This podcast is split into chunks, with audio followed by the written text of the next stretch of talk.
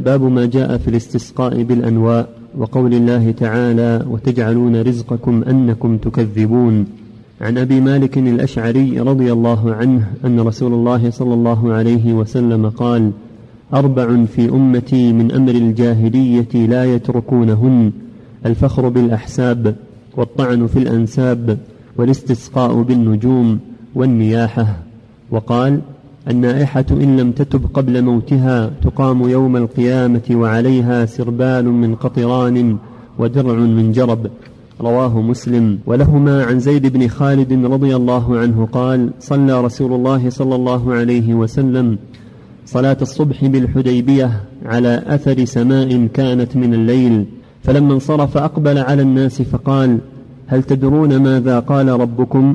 قالوا الله ورسوله أعلم. قال قال أصبح من عبادي مؤمن بي وكافر فأما من قال مطرنا بفضل الله ورحمته فذلك مؤمن بي كافر بالكوكب كافر بالكواكب وأما من قال مطرنا بنوء كذا وكذا فذلك كافر بي مؤمن بالكواكب.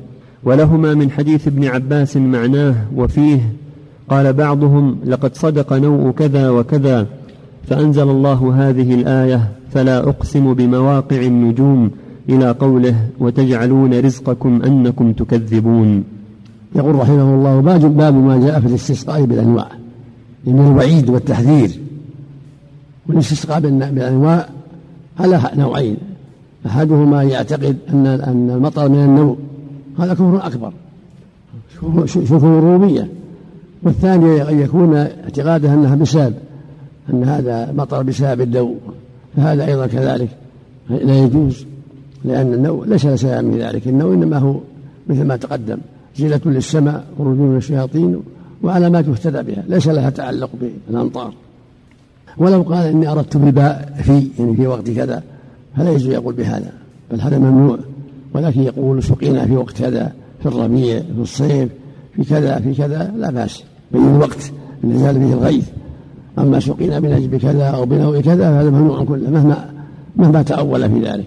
وإذا أراد بذلك أن النوء له تأثير في السقيا وأنه يسقي يتصرف بنفسه هذا شرك بالربوبية كفر أكبر. وكذلك لو نوى أن له تسببا كل هذا لا يجوز. وإنما الأمطار تأتي بأمر الله وتمتنع بأمر الله. هو الذي ينزل الغيث إذا أراد جل وعلا. وهو, وهو الذي ينزل غيثا من بعد ما قنطوا وينشر رحمته. هو الذي جل وعلا يرسل الرياح وتثير السحاب وتحمله الرياح بالماء إلى ما أراد الله جل وعلا. ولهذا قال سبحانه وتجعل رزقكم أنكم تكذبون يعني حظكم ونصيبكم من شكر الله أنكم تكذبون بما بينه الله وتنسبون السقيا إلى غيره سبحانه وتعالى. يقول صلى الله عليه وسلم في حديث أبي مالك الأشعري أربع في أمتي من الجاهلية لا يتركونهن الفخر بالأحساب والطعن في الأنساب والاستسقاء بالنجوم والنياحة الميت. هذه من أمور الجاهلية باقية. لا تسلم منها الأمم. لا يزال فيها بقية من أمور الجاهلية. الفخر بالأحساب. بأحساب آبائه وأسلافه من كرم ووجود وقرى ضيف شجاعة وأشباه ذلك. والطعن في أنساب الناس. فلان كذا فلان كذا يطعن في أنسابه يتنقص أنساب الناس. تفاخرا وتكبرا. أما قول هذا من بني فلان لا بأس.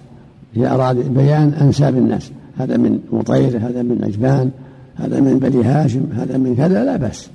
أما أن يطعن في أنسابهم تعاظما وتنقصا هذا لا يجوز. ويسبب شحنة وفتنة. والاستسقاء بالنجوم هو الشاهد. الجاهلية يستسقون بالنجوم بطلنا بنوع كذا هذا منكر. لأنه إما يعتقد أنها تصرف في الكون أو أنها سبب كله منكر باطل. والذي يعتقد أنها تصرف في الغيب وأن الغيب من آثار النجوم هذا شرك أكبر. كفر الربوبية نسأل الله العافية. والنياحة كذلك من خصال الجاهلية. النياحة الموتى روح الصوت بالبكاء على الموتى من أمر الجاهلية. وقال صلى الله عليه وسلم النائحة إذا لم تتب قبل موتها تقام يوم القيامة يعني من قبلها. وعليها سربال من قطران ودرع من جرب عقوبة نسأل الله العافية. هذا يدل على وجوب الكف عن النياحة عن الموتى والحذر من الفخر بالأعساب والطعن في الأنساب والاستسقاء بالنجوم وأن الواجب الحذر من هذه الخصال الجاهلية. في حديث ابن خالد الجهني رضي الله عنه أن النبي خطب الناس يوما بعد صلاة الصبح. على إثر مطر في صباح يوم يمطر فقال يقول الله جل وعلا أصبح من عبادي مؤمن وكافر ثم فسرها لهم قال فأما من قال مطلنا بنوع كذا ونوع كذا فلكافر بي مؤمن بالكوكب. أما من قال مطلنا بفضل الله ورحمته فذلك مؤمن بكافر بالكوكب. فهذا يبين أن الواجب على المسلم عندما ينزل المطر أن يقول مطلنا بفضل ورحمته. اللهم صيبا نافعا كان النبي يقول هذا إذا نزل المطر قال اللهم صيبا نافعا مطلنا بفضل الله ورحمته. ولا يقول مطلنا بنوع كذا ولا من نجم كذا لأن النجوم لا, لا تأثير في هذا. سخرت هي مسخرة. زينة للسماء ونجوم للشياطين. وعلامات يهتدى بها. ما لها تعلق بإنزال المطر. إنزال المطر بأمر الله ولي يصرفه كيف يشاء. يحبسه كيف, كيف, كيف يشاء ويرسله إذا شاء سبحانه وتعالى. فهذه عبارة مطلنا بنوع كذا لا تجوز مطلقا. على أي تفسير. أما إذا رد الخبر عن وقت فيقول مطلنا في وقت رسمي في وقت ثريا في وقت كذا في وقت كذا في وقت الشتاء في وقت الصيف. لا بأس من باب الخبر عن الوقت وهذا فيه تحذير بأن استقام النجوم كفر. الكافر بهم من الكوكب. وذلك إذا اعتقد أنها تسبب نزول المطر وأنها هي المؤثرة. أما إذا اعتقد أنها وقت يظن أنها وقت. ومن قصده وين فيه هذا كفر أصغر ومنكر لا يجوز لأنه ما قد ما اعتقد فيها. لكن لفظه يوهم ذلك. فالواجب ترك هذا اللفظ المنكر. وظاهر الحديث أنه كفر أكبر يعني شرك الربوبية. إذا اعتقد انها لها تصرف صار شركا في الربوبية نسأل الله العافية. باب قول الله تعالى ومن الناس من يتخذ من دون الله أندادا يحبونهم كحب الله. الآية وقوله قل إن كان آباؤكم وأبناؤكم وإخوانكم وأزواجكم وعشيرتكم وأموال, وأموال اقترفتموها وتجارة تخشون كسادها ومساكن ترضونها أحب إليكم من الله ورسوله وجهاد في سبيله فتربصوا حتى يأتي الله بأمره والله لا يهدي القوم الفاسقين عن أنس أن رسول الله صلى الله عليه وسلم قال لا يؤمن أحدكم حتى أكون أحب إليه من ولده ووالده والناس أجمعين. أخرجاه. ولهما عنه قال قال رسول الله صلى الله عليه وسلم ثلاث من كن فيه وجد بهن حلاوة الإيمان. أن يكون الله ورسوله أحب إليه مما سواهما. وأن يحب المرء لا يحبه إلا لله. وأن يكره أن يعود في الكفر بعد إذ أنقذه الله منه. كما يكره أن يقذف في النار وفي رواية لا يجد أحد حلاوة الإيمان حتى إلى آخره.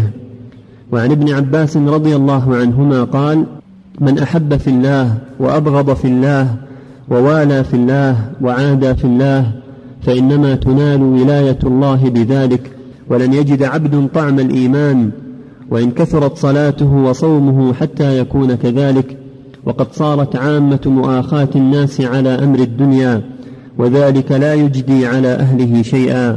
رواه ابن جرير.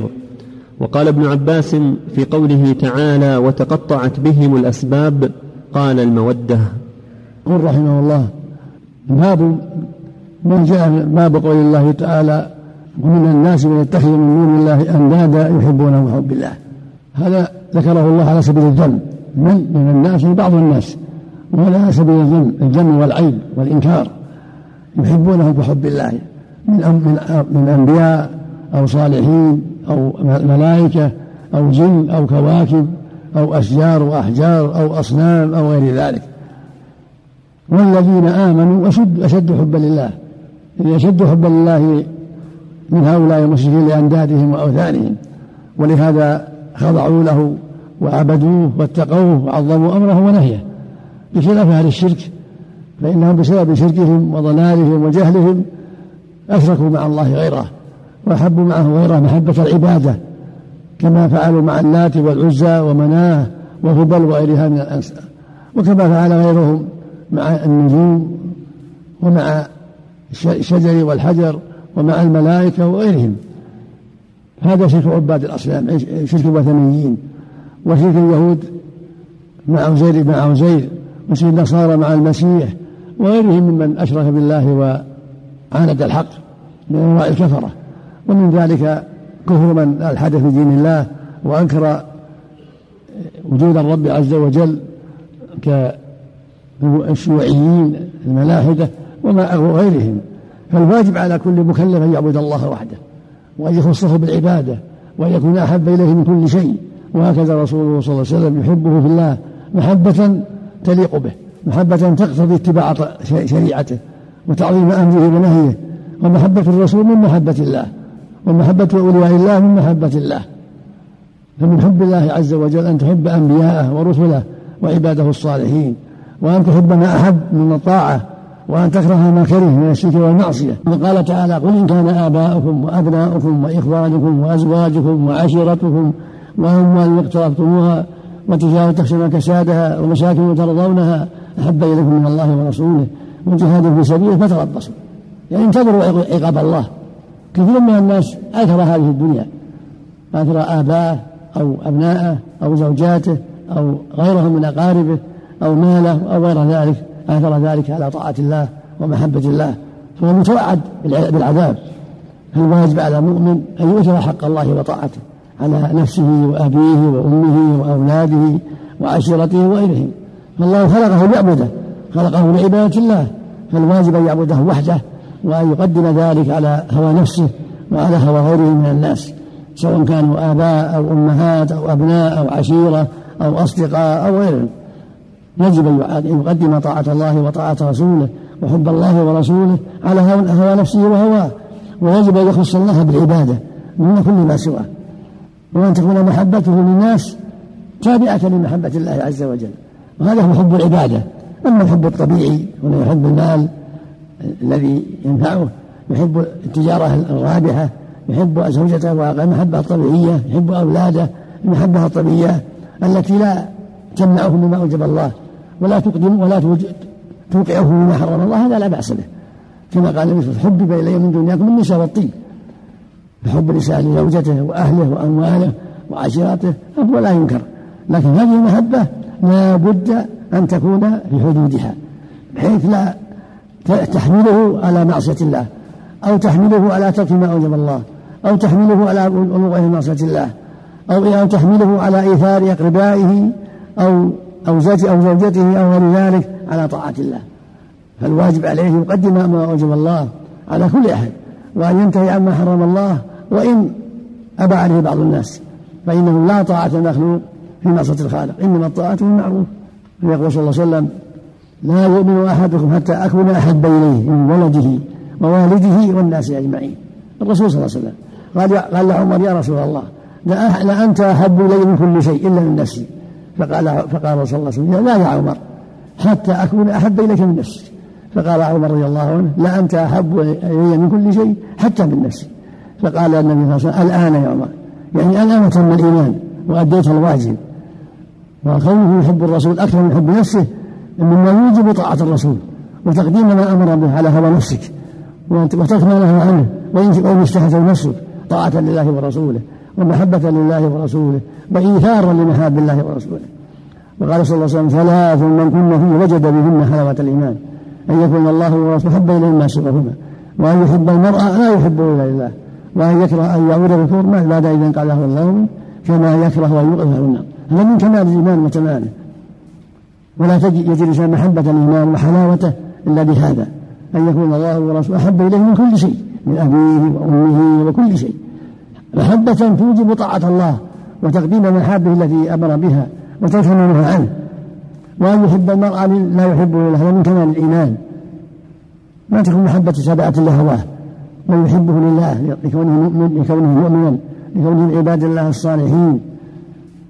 وأن يكره أن يعود في الكفر بعد إذ انقذه الله منه. كما يكره أن يوقف في النار. يعني يكره الكفر بالله والوقوع في الكفر بالله مثل ما يكره الوقوع في النار أو أشد من ذلك. وقال في حديث في الآخر لا يجد أحد حلاوة الإيمان لا يجد حلاوة الإيمان حتى يكون الله أحب إلى ورسوله أحب إلى ما سواهما وحتى يحب المرء لا يحبه إلا لله وحتى يكره أن يعبده إلى آخره. يعني ما يحس بالحلاوة وطعم الإيمان إلا بكمال محبته بالله وبغضه بالله وموالاته بالله ومعاداته بالله كمال إيمانه وأدائه ما أوجب الله وتركه ما حرم الله وحبه في الله وبغضه في الله وموالاته في الله ومعاداته في الله. كما قال ابن عباس من أحب في الله وأبغض في الله وولى في الله وآدى في الله فإنما تنال ولاية الله لمحبته وولايته للعبد. ولن يجد عبد طعم الإيمان وإن كثرت صلاته وصومه حتى يكون كذلك يعني حتى يحب في الله ويبغض في الله ويوالي في الله ويعادي في الله. فعند هذا يجد حلاوة الإيمان. ويجد طعم الإيمان ولذته وإيثار محاب الله على هوى نفسه. وقال في تفسير قوله تعالى وتقطعت بهم الأسباب قال مودة يعني المشركين. كانت المودة التي بينهم في الدنيا لقرابة والدنيا وتبادل المنافع في الدنيا انقطعت يوم القيامة ما نفعتهم لأنها ما كانت لله فالمحبة للدنيا والتجارة والقرابة والصداقة ما تنفع يوم القيامة. إنما ينفع المحبة في الله تحبه لأنه من أحباب الله تواليه لأنه من أولياء الله تبغضه لأنه كافر عند أعداء الله. هذا اللي ينفع من أحب في الله وأبغض في الله ووالى في الله وعادى في الله فإنما تنال ولاية الله محبته وولايته للعبد. ولن يجد عبد طعم الإيمان وإن كثر صلاته وصومه حتى يكون كذلك. باب قول الله تعالى إنما ذلكم الشيطان يخوف أولياءه فلا تخافوهم وخافون إن كنتم مؤمنين. وقوله إنما يعمر مساجد الله من آمن بالله واليوم الآخر وأقام الصلاة وآتى الزكاة ولم يخش إلا الله. الآية.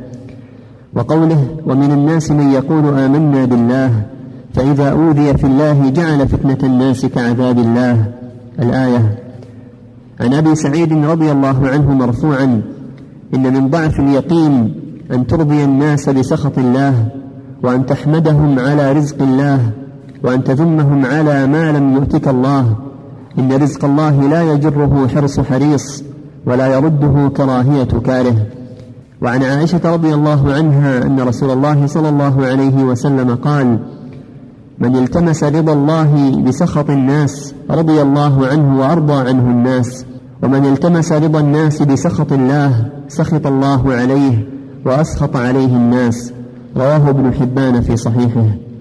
يقول رحمه الله باب قول الله جل وعلا إنما ذلك هو الشيطان يخوف أولياءه فلا تخافوهم وخافوني إن كنتم مؤمنين. يبين بهذا رحمه الله أن الواجب خوف الله ومراقبته وألا يبالي الإنسان بما يرجف به المرجفون فإن الناس لما وقعت وقعت أحد أرجح الناس وصاروا يخوفون الناس بقريش وجنودهم وقوتهم ونحو ذلك قد وقعت وقعت أحد تمحيصا للمسلمين ورحمة لهم وحتى لهم على الاستعداد وبيان أن الأمة أن الأمر بيد الله ليس بأيديهم كما قال تعالى ليس من الأمر شيء ليستعدوا للقاء أعدائهم وليعتمدوا على الله أكثر وليعلموا أن القوة بيده والنصر بيده لا بيد أحد من الناس وما النصر إلا من عند الله. قال تعالى وما أصابكم يوم التقى الجمعان يعني جمع المسلمين وجمع الكفار يوم أحد. فبإذن الله من يعلم المؤمنين هو سبحانه وتعالى أوقع الواقع عن علم وبصيرة وحكمة جل وعلا يمحص المؤمنين ويمحق الكافرين. فليس ذلك عن صدفة بل عن علم وحكمة. قدر ما قدر يوم أحد من الهزيمة والجراح والقتل كما قدر ما قدر يوم بدر. يوم بدر نصر الله المسلمين وأعز جنده وأذل الكفار وقتل منهم سبعين وأسرى سبعين وفي يوم أحد ابتلى المسلمين وأصابهم من الجراح ما أصابهم تمحيصا لهم تمحيصا لهم. وبيانا أن الأمر بيده وأن النصر بيده ليس بيد العباد. يلجأوا إليه وليعظموه وليخافوه وليعتمدوا عليه سبحانه وتعالى. فهو سبحانه بيده تصريف الأمور وبيده العز والنصر وبيده ضد ذلك. إنما ذلكم الشيطان يخوف أولياءه فلا تخافوهم وخافوني إن كنتم من قبلها قوله جل وعلا الذين قال لهم الناس إن الناس قد جمعوا وخشوهم فزادهم إيمانا وقالوا حسبنا الله ونعم الوكيل. لم يكفينا الله فانقلبوا بنعمة من الله وفضل لم يمسسهم سوء واتبعوا رضوان الله والله ذو فضل عظيم. إنما ذلكم الشيطان يخوف أولياءه فلا تخافوهم وخافون إن كنتم مؤمنين. فالواجب خوف الله ومراقبته وخشيته والاستقامة على دينه والحذر مما نهى عنه. ولا مانع أن يخاف الإنسان من الخوف الذي أشرعه الله وهو الخوف الذي يحمل على الاستعداد والحذر. قال تعالى يا أيها الذين آمنوا خذوا حذركم قال تعالى وأعدوا لهم ما استطعتم من قوة. الخوف الذي يحمل على الإعداد والحذر. ومقابلة العدو بما ينبغي هذا واجب. لكن مع خوف الله ومراقبته فأنت تخاف الخوف الذي يحملك على فعل الأسباب وتعاطي الأسباب والاستعداد العدو لا خوفا يمنعك من لقاء العدو ويورث في قلبك الجبن لا. ولكن تخاف خوفا يحملك على الإعداد والاستعداد والحذر كما يخاف الإنسان من النصوص فيضع الحرس وكما يخاف من طول المرض أو شدة المرض فيتعاطى الأدوية كل هذا لا بأس به. وكما يخاف من الجوع فيأكل ومن الظمأ فيشرب ومن السفر الذي يخاف فيتخذ الرفيق ويتخذ السلاح كل هذا لا بأس به. إنما الخوف المذموم الذي يحملك على ترك واجب أو فعل محظور هذا الخوف المذموم. أو خوف من المخلوق خوف السر الذي يحملك على أن تعبده مع الله وأن تعتقد فيه السر مع الله وأن تخشاه كما تخشى الله هذا الشرك الأكبر. وأما الخوف الحسي الطبيعي هذا لا بأس به. خوف اللص فتتخذ الحرس خوف الجوع فتأكل. خوف الظمأ فتشرب. خوف المرض فتتخذ الدواء. كل هذا لا بأس به. وقال تعالى إنما يأمر مساجد الله من آمن بالله واليوم الآخر وأقام الصلاة وآتى الزكاة ولم يخشى إلا الله. يعني لم يخشى خشية السر والخشية التي تحمل على فعل محظور أو ترك واجب لم يخشى إلا الله. أما الخشية التي أباحها الله فلا بأس بها. قال الله تعالى في قصة موسى فخرج منها خائفا يترقب. يعني خائف آل فرعون لما قتل النفس وقال جل وعلا ومن الناس من يقول آمنا من آمنا ومن الناس من يقول آمنا بالله. فإذا أوذي في الله من جعل فتن الناس في عذاب الله. يعني فر من عذابهم إلى إرضائهم بسخط الله وإلى خوفهم بسخط الله فهذا هو المذموم. في حديث أبي سعيد إن من ضعف اليقين يعني من ضعف الإيمان أن ترضي الناس بسخط الله وأن تحمدهم على رزق الله وأن تذمهم على ما لم يتك الله. فإن رزق الله لا يجره حرص خالص ولا يرده كراهية كاره الإيمان يزيد وينقص. الإيمان يضعف ويقوى. يزيد بالطاعات وينقص بالمعاصي. يضعف بالمعاصي ويزداد بالتقوى والإيمان. فمن ضعف الإيمان أن ترضي الناس بسخط الله. هذا من ضعف إيمانك. أن تطيعهم في معاصي الله وأن ترضيهم بمعاصي الله خوفا منهم. هذا من ضعف الإيمان. وأن تحمدهم على رزق الله. الحمد لله لا يستحقونه. أما الحق الحمد لله يستحقونه فمن لا يشكر الناس لا يشكر الله. فالذي يفتي معروف يشكر ويثنى عليه ويكافئ. لكن تحمدهم على رزق الله الذي ليس لهم فيه تسبب وليس له فيه يد هذا من ضعف يقينه أو تحمدهم حمدا لا يليق ولا يجوز هذا من ضعف اليقين. أما حمدهم على معروفهم الطيب على إعانتهم لك على الخير على إحسانهم إليك فهذا مطلوب. من صفات المؤمن أن يكافئ على المعروف. من صنع إليكم معروف فكافئه. يقول النبي صلى الله عليه وسلم ويقول من لا يشكر الناس لا يشكر الله. لمن لا يشكر الناس على أعمالهم الطيبة وفعلهم الطيب.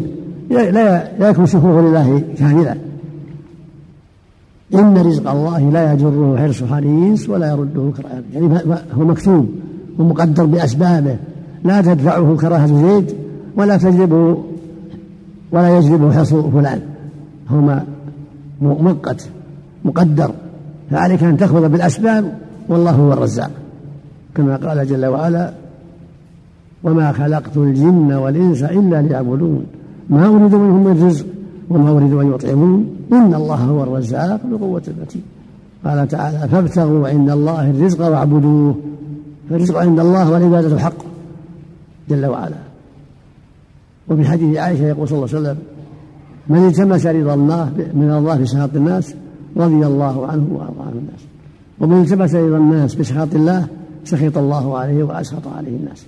هذا يجيب الحذر من إرضاء الناس بسخط الله. أما إرضاء الله بإسخاطه من الحق يجب عليك أن ترضي الله وأن تؤدي حقه وأن سخط الناس. إنما الطاعة بالمعروف لا طاعة للمخلوق في معصية الخالق. فمن التمس إلى الله بسخط الناس رضي الله عنه وارضى الناس وفي رواية عنها رضي الله عنه قالت من التمس إلى الله بسخط الناس كفاه الله مونة الناس. ومن التمس إلى الناس بسخط الله لم يغن عنه من الله شيئا. الأمر بيده سبحانه وتعالى. فالتماس رضاهم بسخط الله لا يغني عنك من الله شيئا. بل ربما يسلط عليه ولكن الحزن أن ترضي الناس وأن تجتهد في طاعته أن ترضي الله واجتهد في طاعته وإن سخط الناس. عليك أن تؤدي الواجب وأن تحذر ما حرم الله عليك وإن لم يرضى عنك فلان أو فلان. وإن سخط سخط فلان أو فلان حتى أبوك وحتى أمك حتى أميرك. عليك أن تؤدي الحق وأن تؤدي الواجب وإن لم يرضى فلان وفلان وعليك أن تحذر طاعة المخلوق في معاصي الله أيا كان. وفق الله جميعا باب قول الله تعالى وعلى الله فتوكلوا إن كنتم مؤمنين وقوله إنما المؤمنون الذين إذا ذكر الله وجلت قلوبهم الآية. وقوله يا أيها النبي حسبك الله ومن اتبعك من المؤمنين وقوله ومن يتوكل على الله فهو حسبه عن ابن عباس رضي الله عنهما قال حسبنا الله ونعم الوكيل. قالها إبراهيم صلى الله عليه وسلم حين ألقي في النار. وقالها محمد صلى الله عليه وسلم حين قالوا له إن الناس قد جمعوا لكم فاخشوهم فزادهم إيمانا وقالوا حسبنا الله ونعم الوكيل. رواه البخاري والنسائي. يقول رحمه الله باب قول الله تعالى وعلى الله فتوكلوا إن كنتم مؤمنين؟ أراد بهذه الترجمة بيان وجوب التوكل على الله. وأن الواجب على أهل الإيمان في جميع أمورهم أن يتوكلوا على الله لا على غيره. يعملون ويكدحون مع التوكل على الله. يعني التفويض إليه التوكل معناه التفويض على الله والاعتماد عليه في كل الأمور وأنه سبحانه حسب العبد وكافيه بيده تصريف الأمور جل وعلا. فعلى العبد يتوكل على الله في كل أموره مع الأخذ بالأسباب. يتوكل ويأخذ بالأسباب. فالإنسان يبيع ويشتري ويعقل الدابة ويحفظ ماله ويتخذ الحرس وغير ذلك وهو مع هذا متوكل على الله جل وعلا. فالإيمان والعمل لا ينافي التوكل. هذا وهذا. يتوكل بقلبه ويعمل الأسباب بجوارحه هكذا المؤمن فهو يخرج في سبيل الله يبيع ويشتري يحرث يزرع يسافر إلى غير هذا. مع التوكل على الله في كل أمور. يعمل الأعمال التي يحتاج إليها مع التوكل على الله سبحانه وتعالى. في كل الأمور. يعني التفويض إليه والاعتماد عليه وأنه يصرف الأمور بيده تصريف الأمور وبده العون قال تعالى وعلى الله فتوكلوا إن كنتم مؤمنين. قال عز وجل إنما المؤمنون إذا ذكر الله وجلت قلوبهم وإذا تلت عليهم آياته زادتهم إيمانا وعلى ربهم يتوكلون قال تعالى يا أيها النبي حسبك الله يعني كافيك الله ومن اتبعك المؤمن يعني يكفيك الله ويكفي أتباعك من المؤمنين مثل الكفاية جل وعلا. يقول سبحانه أليس الله بكاف عبده ويقول من يتوكل الله فهو حسبه يعني هو كافيه والتوكل معناه التفويض إلى الله والاعتماد عليه مع الأخذ بالأسباب. يتوكل على الله في أن الزرع يحصل يبذر الزرع يسقي ويتوكل على الله في النجاح. يغرس الشجر يتوكل على الله في النجاح. يتجر يبيع ويشتري ويتوكل على الله في النجاح والربح. يتزوج يتوكل على الله في العفة وحصول الذرية وهكذا. يأخذ بالأسباب مع الاعتماد على الله في كل أمور. فالتوكل معناه التفويض بالقلب إلى الله في كل شيء والإيمان بأنه يسبب الأسباب ويصرف الأمور مع الأخذ بالأسباب. يقول النبي صلى الله عليه وسلم لو أنكم توكلوا الله حق توكله لرزقكم كما يرزق الطير تغدو خماصا وتروح بطانا الطير ما عنده شيء ما عنده خزانة. تروح تغدو الصباح خماص جياع تسعى في أرض الله دور الرزق. من هنا ومن هنا ومن هنا وترجع آخر النهار إلى أوكارها بطان قد رزقها الله ما يعيشها ذلك اليوم. فأنت كذلك يا عبد الله. إذا أخذت بالأسباب وتوكل على الله فإن الله يرزقك. فابتغوا عند الله رزقا واعبدوه. وما من دابة في الأرض إلا على الله رزقها. فعليك الأسباب. ويروى عنه صلى الله عليه وسلم أنه قال لأعرابي لما قال أعقلها وتوكل قال أعقلها وتوكل. أعقل الدابة وتوكل على الله. قال ابن عباس رضي الله في قوله تعالى الذين قال لهم الناس إن الناس قد جمعوا فاخشوهم. فزادهم إيمانا وقالوا حسبنا الله ونعم الوكيل. قال ابن عباس هذه الكلمة قالها إبراهيم. حين يلقى في النار. لما كسر أصنامهم في وقت النمور أمر النمور بإيجاد نار عظيمة وأمر أن يوقع فيها. فلما قذف فيها قال وهو في الجو حسبنا الله ونعم الوكيل. فقال الله لها قلنا يا نار كوني بردا وسلاما على إبراهيم. فجعلها الله عنه بردا وسلاما وأنجاه الله من شرهم فهكذا لما أرجف المسلمين يوم أحد وقالوا لهم إن المشركين قد جمعوا لكم. قال النبي صلى الله عليه وسلم المسلمون حسبنا الله ونعم الوكيل. فنصرهم الله وأيدهم يوم الأحزاب ويوم خيبر ويوم الفتح وانتهى أمر المشركين إلى الذل والهوان. ثم دخلوا في دين الله أفواجا. فالمؤمنون عليهم التوكل والصدق في ذلك والأخذ بالأسباب في جهادهم وأسبابهم ومعايشهم وفي كل شيء وفي أعمالهم الصالحة. عليهم العمل والجد والصبر مع التوكل على الله والإنابة إليه والتوفيق سبحانه وتعالى. رزق الله الجميع التوفيق والهداية.